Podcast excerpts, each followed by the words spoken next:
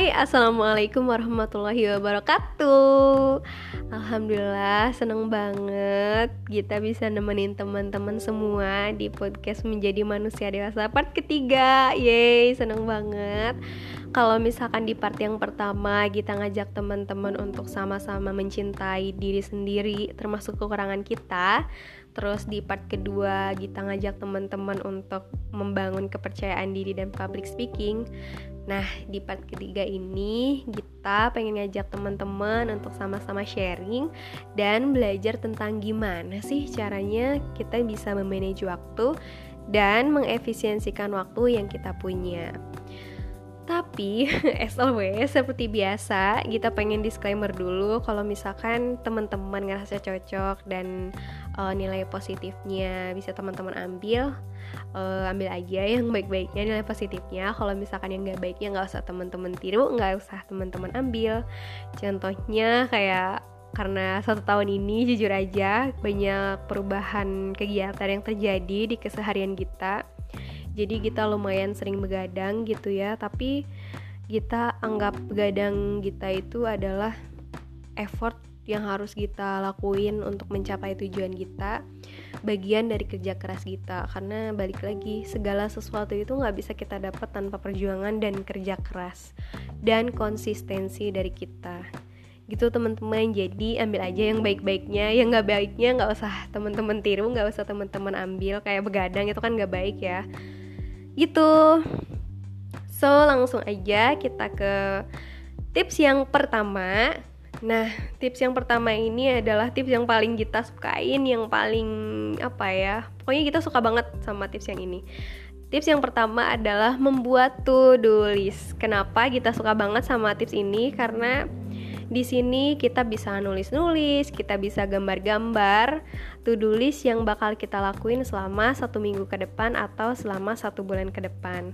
Teman-teman bisa gunain kertas-kertas atau buku-buku yang gak kepake di rumah teman-teman supaya lebih bermanfaat juga dan bisa lebih apa ya bisa lebih hemat kertas juga gitu ya karena kita kan harus menyayangi lingkungan kita juga. Jadi manfaatin yang ada aja di sekitar teman-teman gitu. Teman-teman bisa pakai sticky note yang gak kepake terus dihias secantik mungkin dan seunik mungkin. Nanti bisa dipajang di meja belajar atau di papan kerja teman-teman. Gitu. Selamat mencoba ya. Nah tips yang kedua adalah memilih prioritas untuk dikerjakan. Kenapa? Supaya kita bisa tahu deadline pekerjaan kita, tugas-tugas kita, dan prioritas yang akan kita kerjakan atau kegiatan-kegiatan yang sifatnya penting banget itu bakal jadi to-do list yang teratas atau to-do list yang pertama. Contohnya, kalau misalkan kita itu uh, selalu menjadikan akademik sebagai prioritas pertama kita dan itu bakal masuk ke to-do list yang paling atas gitu teman-teman misalkan kalau misal uh, apa namanya dalam satu hari itu ada tiga tugas misalkan atau empat tugas pasti kita jadiin tugas-tugas itu sebagai list yang pertama pokoknya list yang paling atas setelah itu baru ngerjain uh, apa namanya tugas organisasi atau uh, kerjaan bisnis atau misalkan di komunitas gitu-gitu teman-teman. Nah, yang ketiga adalah enggak nunda-nunda pekerjaan. Percaya deh, enggak nunda pekerjaan tuh justru ngerugiin kita banget. Kenapa? Karena kalau misalkan kita sering menyepelekan pekerjaan kayak ya udahlah nanti juga paling 30 menit lagi selesai misalkan gitu ya. Kan ini tugasnya gampang, gampang lah gitu ya. Nah, itu nanti makin lama makin lama tugas teman-teman bakal makin numpuk, bakal makin banyak, akhirnya kewalahan.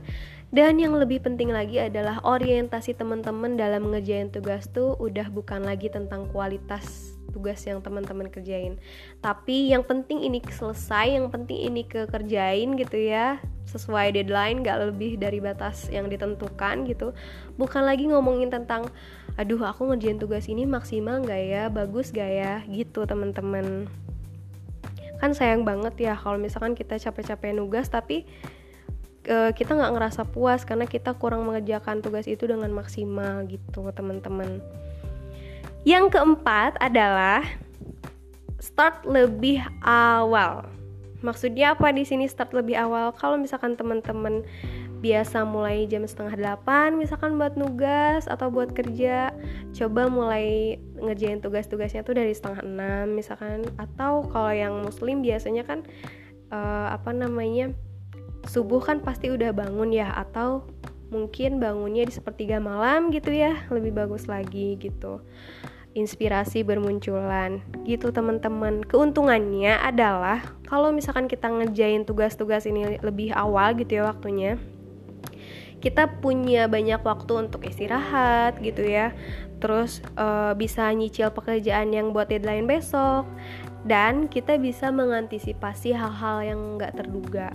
Misalnya kita ada deadline jam 12 malam misalkan tugas. Tapi karena kita udah mulai dari jam 8 malam misalnya atau dari jam uh, setengah 7 malam misalnya pas ada gangguan teknis itu kita bisa antisipasi dan nggak ngeganggu deadline tugasnya.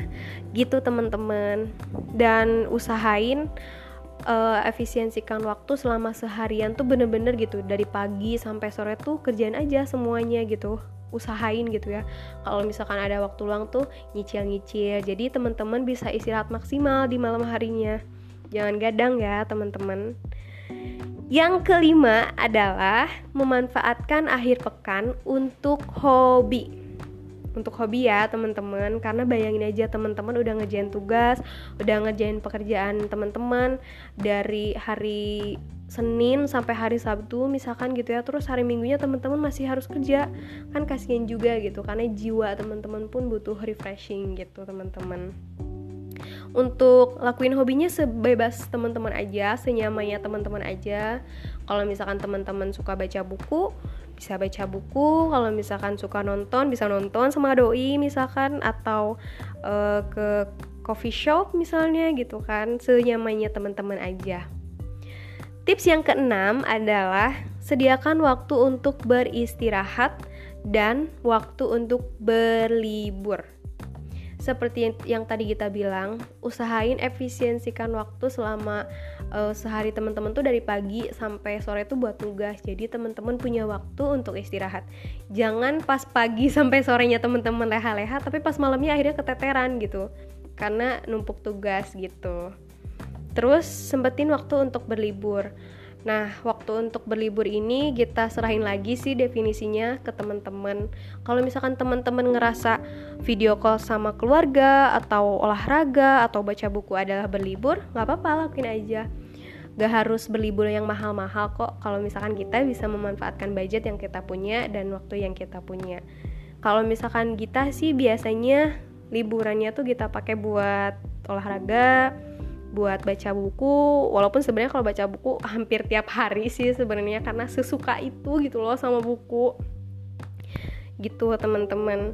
Intinya dalam uh, keseharian teman-teman dalam tugas teman-teman tetap sempetin waktu untuk me time. Karena apa ya me time itu bisa jadi buat refreshing teman-teman juga bisa jadi buat hiburan teman-teman dan buat self improvement teman-teman juga gitu. Karena nggak bagus kalau misalkan tingkat stres kita tinggi tapi nggak diimbangi dengan apa namanya dengan upaya-upaya untuk menghibur diri untuk menyehatkan jiwa kita juga gitu teman-teman So segitu aja tips dari kita buat mengefisiensikan waktu yang kita punya biar kita bisa ngerjain tugas kuliah, organisasi, bisnis, tetap kumpul sama keluarga, sama teman, sama pasangan. Semoga bermanfaat. Hmm, gak sabar banget buat ketemu lagi, buat berusaha lagi di episode berikutnya, di part berikut berikutnya. Uh, insya Allah kita bakal konsisten untuk posting podcast tiap hari Senin satu minggu sekali ya teman-teman biar teman-teman tuh kangen gitu sama kita Oke, segitu aja. Uh, makasih buat teman-teman yang udah dengerin. Semoga bermanfaat. Uh, sama-sama belajar dan sama-sama sharing. Uh, dadah. Wassalamualaikum warahmatullahi wabarakatuh.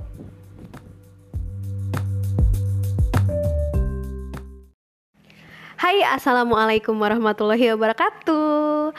Balik lagi sama aku Anggita Rahmadini di podcast Menjadi Manusia Dewasa part keempat. Yeay, seneng banget. Akhirnya bisa bersua lagi secara audio sama teman-teman. Uh, Di topik yang kali ini kita pengen bahas yang seru banget sih ini ya Bagi kita sih, ini kesukaan kita juga. Kita bakal bahas gimana sih caranya kita memanage keuangan ala-ala anak kos gitu kan. Kan kita anak kos ya tapi sebelum itu kita pengen sharing dulu tentang awal mula kita bisa mengelola keuangan sendiri. Gimana sih ceritanya?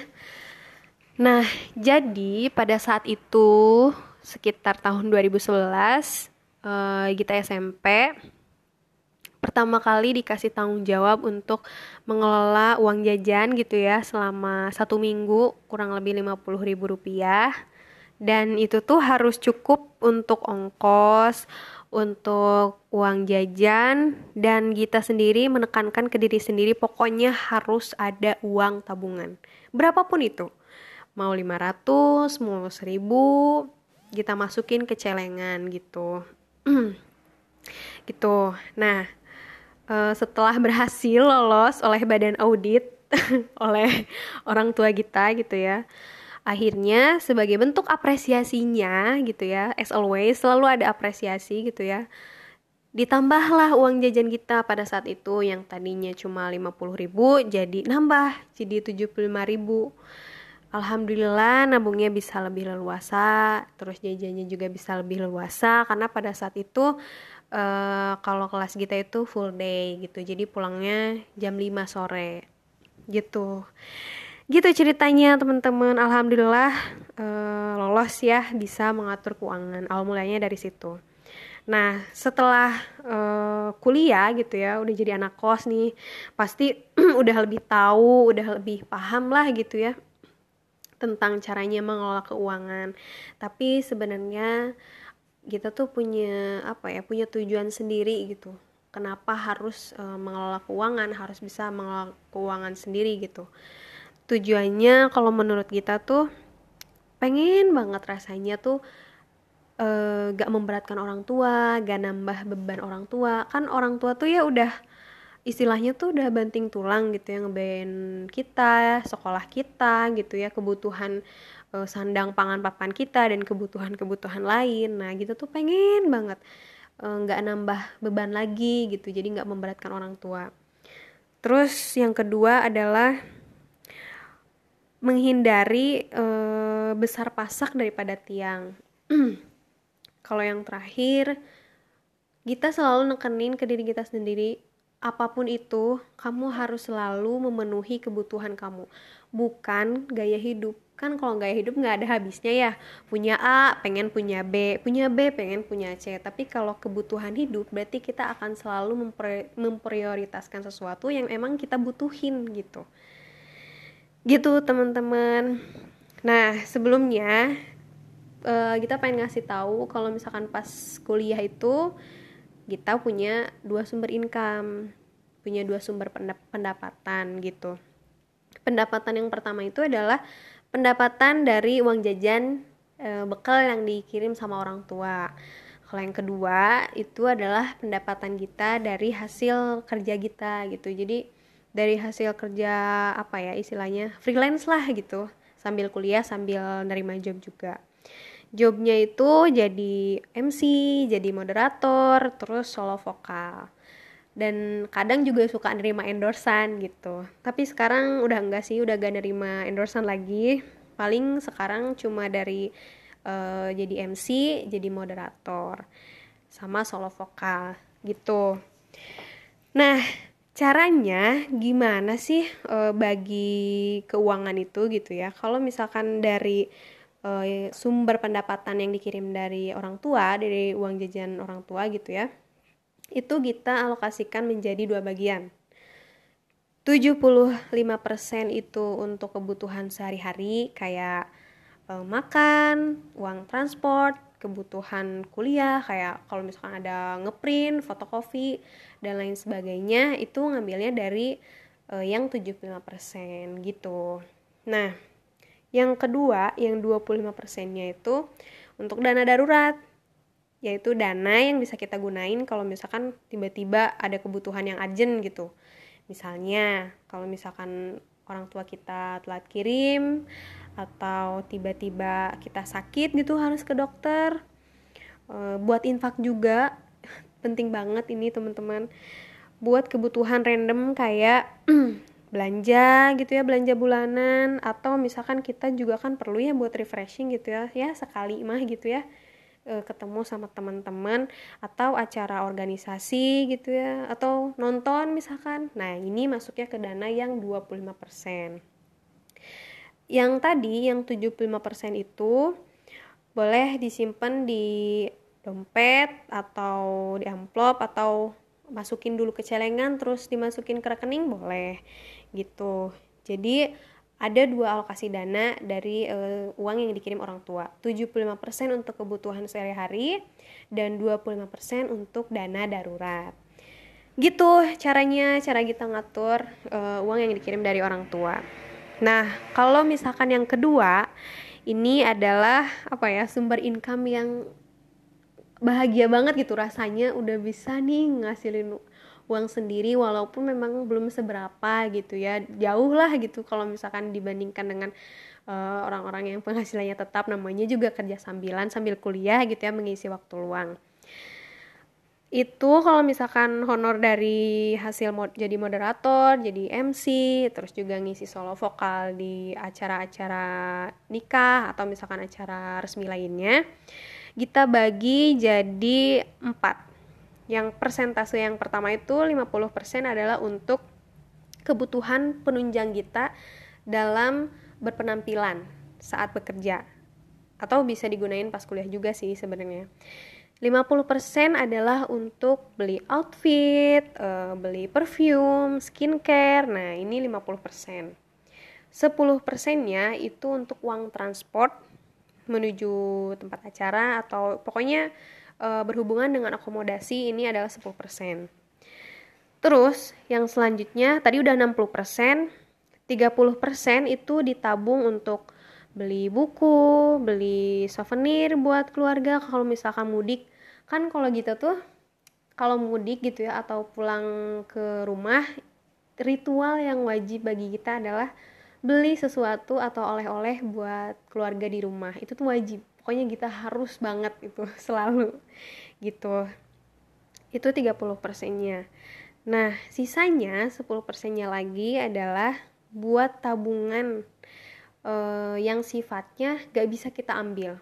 Pokoknya anggap aja kita tuh gak, gak punya tabungan apa-apa deh gitu bener-bener gak akan kita ambil dan bener-bener disembunyiin lah pokoknya gitu jangan diganggu gugat pokoknya intinya tabungan yang 10% ini jadi gitu, 50% untuk outfit, untuk perfume, pokoknya penunjang penampilan, 10% untuk uang transport, 30% ditabung untuk beli buku, souvenir keluarga kalau mudik, dan 10% terakhirnya adalah tabungan yang gak akan kita ambil.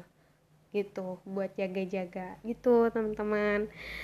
So, segitu aja uh, sharing kita kali ini tentang cara mengelola keuangan ala-ala anak kos gitu ya sambil tadi kita nostalgia dulu tentang awal mulanya kita bisa mengelola keuangan. Semoga bisa bermanfaat buat teman-teman. Semoga suka juga. Makasih banyak. Wassalamualaikum warahmatullahi wabarakatuh.